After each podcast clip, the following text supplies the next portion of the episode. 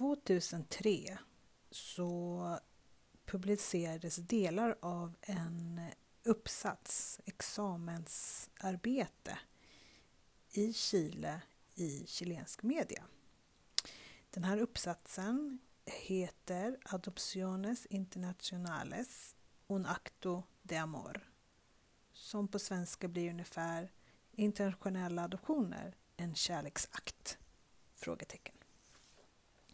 Det var en kvinna som heter Anna Maria Olivares som tillsammans med Pablo Soto eh, som skrev den här uppsatsen. De studerade journalistik vid Arkis-universitetet.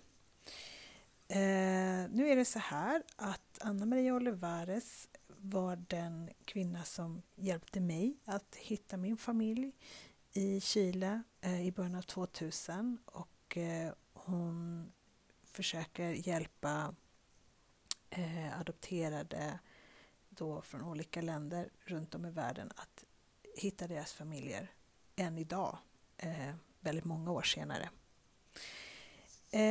Jag skulle vilja först bara berätta lite vad den här uppsatsen handlar om. Jag kommer läsa rakt av introduktionen på en ganska, inte superbra översättning, men Eh, den här uppsatsen finns såklart på spanska och svenska.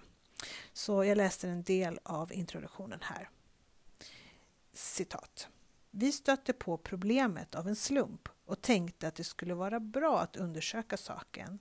Vi kände till flera fall av chilenska ungdomar adopterade i Sverige som visat ett stort behov av att få veta var de kom ifrån och vilka som var deras verkliga föräldrar. Emellertid stötte vi på faktorer som vi inte hade förväntat oss. Vid varje tillfälle som vi försökte ta reda på dessa ungdomars ursprung och erhålla information om deras biologiska föräldrar upprördes de personer som var omnämnda i de rapporter som följt dessa ungdomar till deras nya hemland.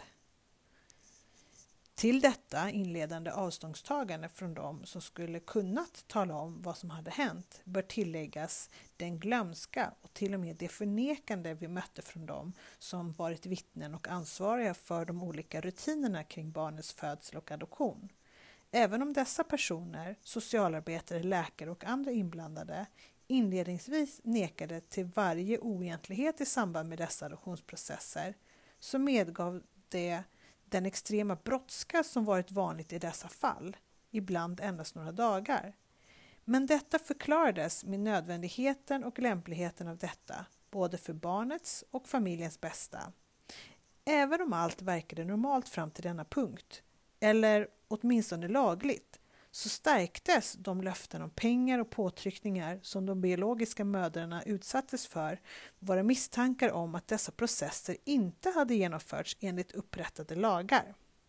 Denna medverkan av samma personer i samarbete med samma internationella adoptionsorganisation fick oss att formulera vår hypotes angående existensen av tänkbara nätverk som eventuellt varit inblandade i ett oegentligt påskyndande av adoptionsprocesser av chilenska barn. Dessa adoptioner förmedlades av Svenska Adoptionscentrum, CAS, under åren 1973 till 1992. Den period som denna organisation fungerade i vårt land. Denna tidsperiod sammanfaller i stort sett med den period Chile hade en militärdiktatur, 1973 till 1990. Efter den chilenska uppsatsen hade publicerats i december 2003 i en tidning som heter Sete så fick adoptionsorganisationen Adoptionscentrum eh, nys om det här, beställde den och översatte den till svenska. Eh, efter man gjort det så gjordes också ett PM om Adoptionscentrums verksamhet i Chile. Och det är från det PMet jag kommer läsa upp lite information. Ehm, så, de, här står till exempel statistik, totalt anlända 2021 barn, alltså 2021 barn genom Adoptionscentrum. Eh, 1973 ett barn. 1974 16 barn. 1975 97 barn. 1976 196 barn. 1977 206 barn. 1978 213 barn. 1979 208 barn. 1980 166 barn. 1981 176 barn. 1982 121 barn. 1983 125 barn. 1984 101 barn. 1985 95 barn. 1986 81 barn. 1987 65 barn. 1988 62 barn. 1989 58 barn. 1990 23 barn. 1991 11 barn. 1992 1 barn. Och så står det Enligt uppgifter från NIA, alltså Nämnden för internationella adoptioner, har det totalt till Sverige kommit 2177 barn. Vidare så kan man läsa i PMet hur Adoptionscentrums verksamhet var uppbyggd. Då står det så här.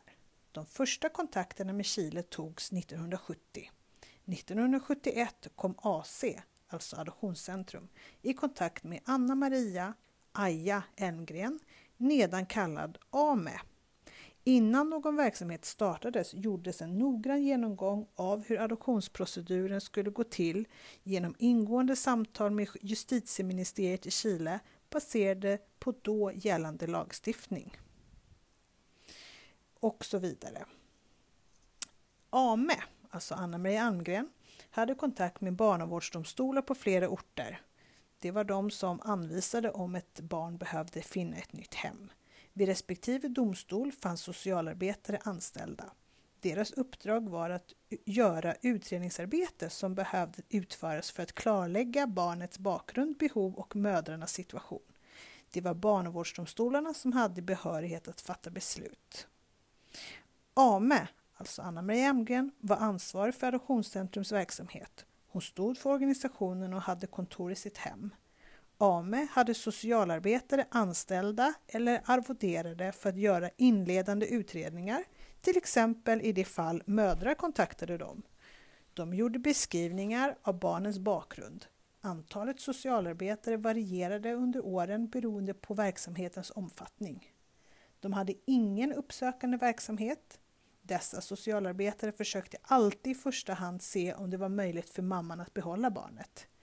De hänvisade alltid mödrarna, familjerna till barnavårdsdomstolen om mamman ändå ville gå vidare. Samtliga socialarbetare har varit mycket positiva till att hjälpa till när adopterade önskar söka sina rötter. Bland socialarbetarna som deltog i adoptionsverksamheten var Telma Uribe den som först medverkade och som initierade adoptionerna tillsammans med AME, alltså Anna-Maria Elmgren. Julia Munoz var den som stod AME närmast. Hon arbetade för AC i 13 år, april 1976 till 1989. Hon har inte haft avtal direkt med AC utan AME, alltså Anna-Maria Elmgren, var hennes arbetsgivare och var ansvarig för villkor och ersättningar. Hon hade månadsersättning. Hon hörde inte till domstol utan arbetade självständigt. Esmeralda Quesada var socialarbetare vid domstolen i Concepcion. Hon var inte anställd av AME men fick ersättning för specifika uppdrag.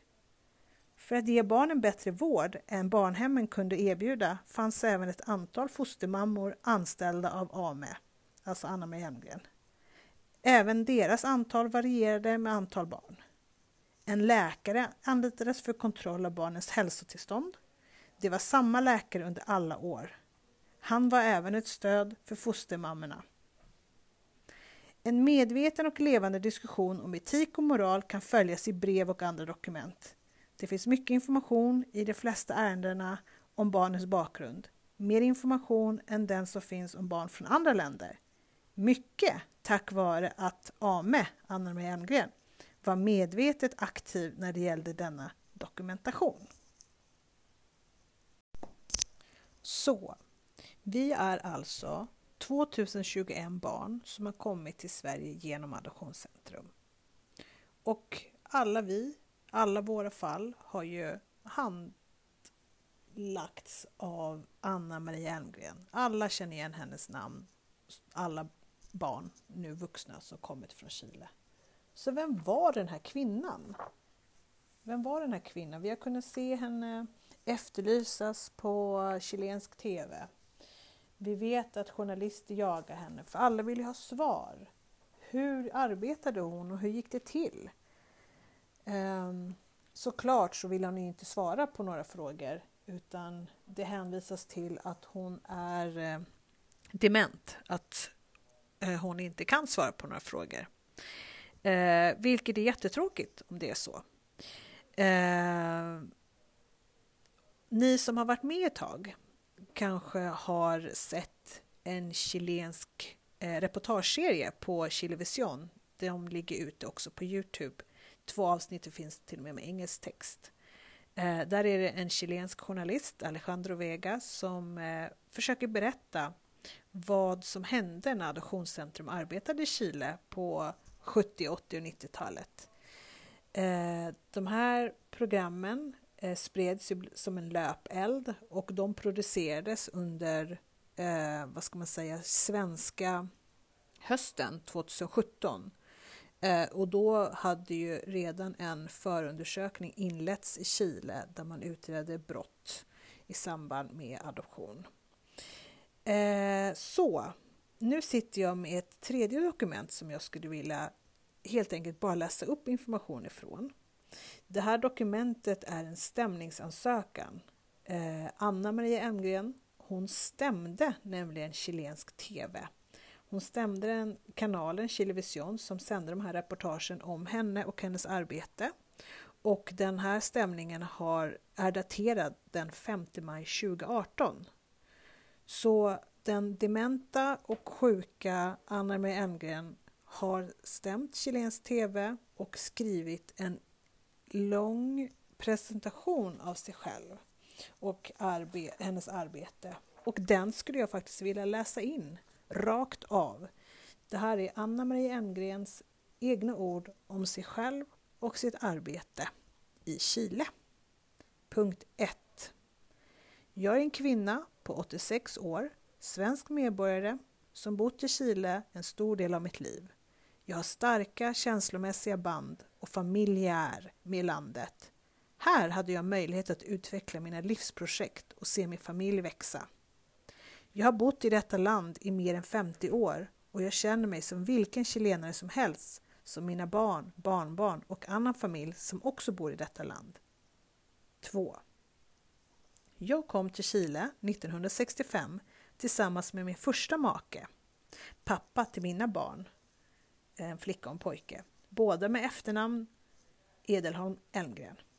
Efter min separation inledde jag en relation med Carlos Carmona Kopp och vi ingick äktenskap 1971. Tillsammans har vi utvecklat en av våra stora passioner, hästuppfödning och en ridskola. 3. Vi startade ridskolan La Deesa från noll 1970 på den tiden var det området långt från stan med mycket dålig åtkomst, åtkomst men för oss framstod det som landsbygd där vi kunde utveckla vårt projekt och gemenskap som beskrivits. 4. Herr Camona Kopp är pensionerad tjänsteman för polisen som kommer att bli chef för Cuadro Verde de Carabineros och som på sin institution följde sitt kall för hästar och dressyr. Jag var del av detta projekt. Ridskolan blev ett unikt projekt och framgångsrikt i Chile på den tiden. På denna skola deltog inte bara hästälskare utan också skolor och andra institutioner som sökte kompletterande former för undervisning av minderåriga. 5. Detta projekt tillät vår familj att bo bekvämt, men utan lyx. Vi investerade en stor del av vad vi tjänade i skolan och fastighet som vi köpte till skolan 1971. Egendomen på 21 hektar låg på gatan El Rodeo i kommunen Lobarnechea. 6. 1971, mitt i utvecklingen av ridskolan, kontaktade min syster mig som bodde i Sverige tillsammans med sin man för att fråga om processen i Chile för att adoptera barn. Jag visste mycket väl att min syster och hennes man inte kunde få egna barn och att de längtade efter att få barn. Jag sa att jag inte visste något om detta. Mitt projekt var ju någon annanstans, på ridskolan som jag nämnde. Men att jag hade intentionen att undersöka detta. 7. Då började jag en process att undersöka detta. Jag besökte La Casa Nacional de Niño, barnhem. Och jag intervjuade socialarbetare som tillfälliga barnpassare med syftet att förstå hur processen skulle vara för att adoptera minderåriga. 8. Verkligheten som jag fann var chockerande. Det Chile på 1970-talet påminde intet om Chile idag. Att barn blev övergivna på grund av fattigdom var en handling som inte berörde någon alls. Barn fick mycket liten uppmärksamhet från staten. Många levde i mardrömsliknande hälsovillkor med allvarliga problem med föda och med utan framtidsutsikter i livet. 9. Denna verklighet tog jag med mig till, till min syster. Hon berördes som jag. Hon beslutade då att starta adoptionsprocessen av en minderårig i Chile, trots alla svårigheter. Jag lovar henne min hjälp. Det här var min första kontakt med världen av övergivna barn i Chile på 1970-talet och det nödvändiga tillvägagångssättet för adoption. I min systers fall, och som i alla följande fall, följde man alla lagliga steg. Till en början gick adoptionerna genom La Casa Nacional del Niño, alltså statliga institutionen. Sen gick det genom barnavårdsdomstolarna. På det här sättet lyckades min syster få sitt första barn, min systerdotter X. Under följande åren adopterade de sina andra barn, Y och Z. Mina tre systerbarn är bra människor som bor i Sverige idag med karriärer, familjer och framtid. Mycket långt ifrån vad som kunde ha väntat om de stannat i systemet utan möjligheter. 10. Lite efter min systerdotter X blev eh, efter adoption blev jag kontaktad av El Centro Sueco para la Adopción eller Adoptionscentrum. Från och med nu kommer jag att kalla dem Centro. Det här Centro, Adoptionscentrum, är icke statlig organisation utan finansiella intressen som tar emot certifikat från staten i mitt land, slash Sverige, för att agera på andra ställen i världen med syftet att lära känna och föra adoptionsprocessen av barn framåt och underlätta för familjer att bli kandidater. Ja.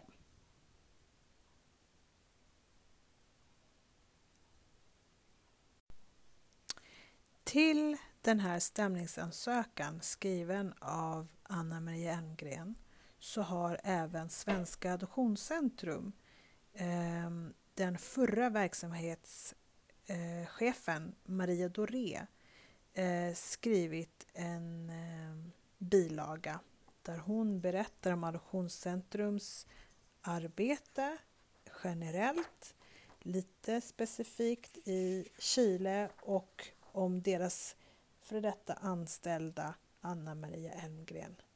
Det är totalt en, två, tre, tre och en halv sida på spanska från Svenska Adoptionscentrum som skickades till Chile eh, med datering den 8 mars 2018. Så nu har jag presenterat eh, lite olika eh, dokument, information eh, som då är daterat både 2003, 2004 och 2018.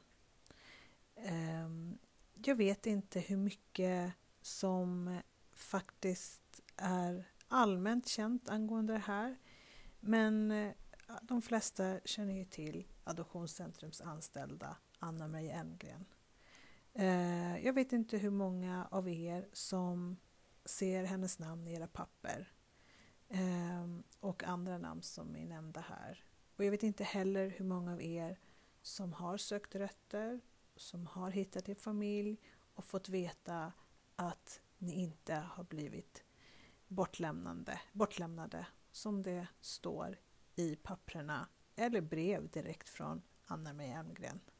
Men för mig Eh, som har tillgång till två fall, mitt eget och min adoptivbrors, vet ju att den informationen som den här kvinnan har eh, skickat med oss till Sverige inte alls stämmer.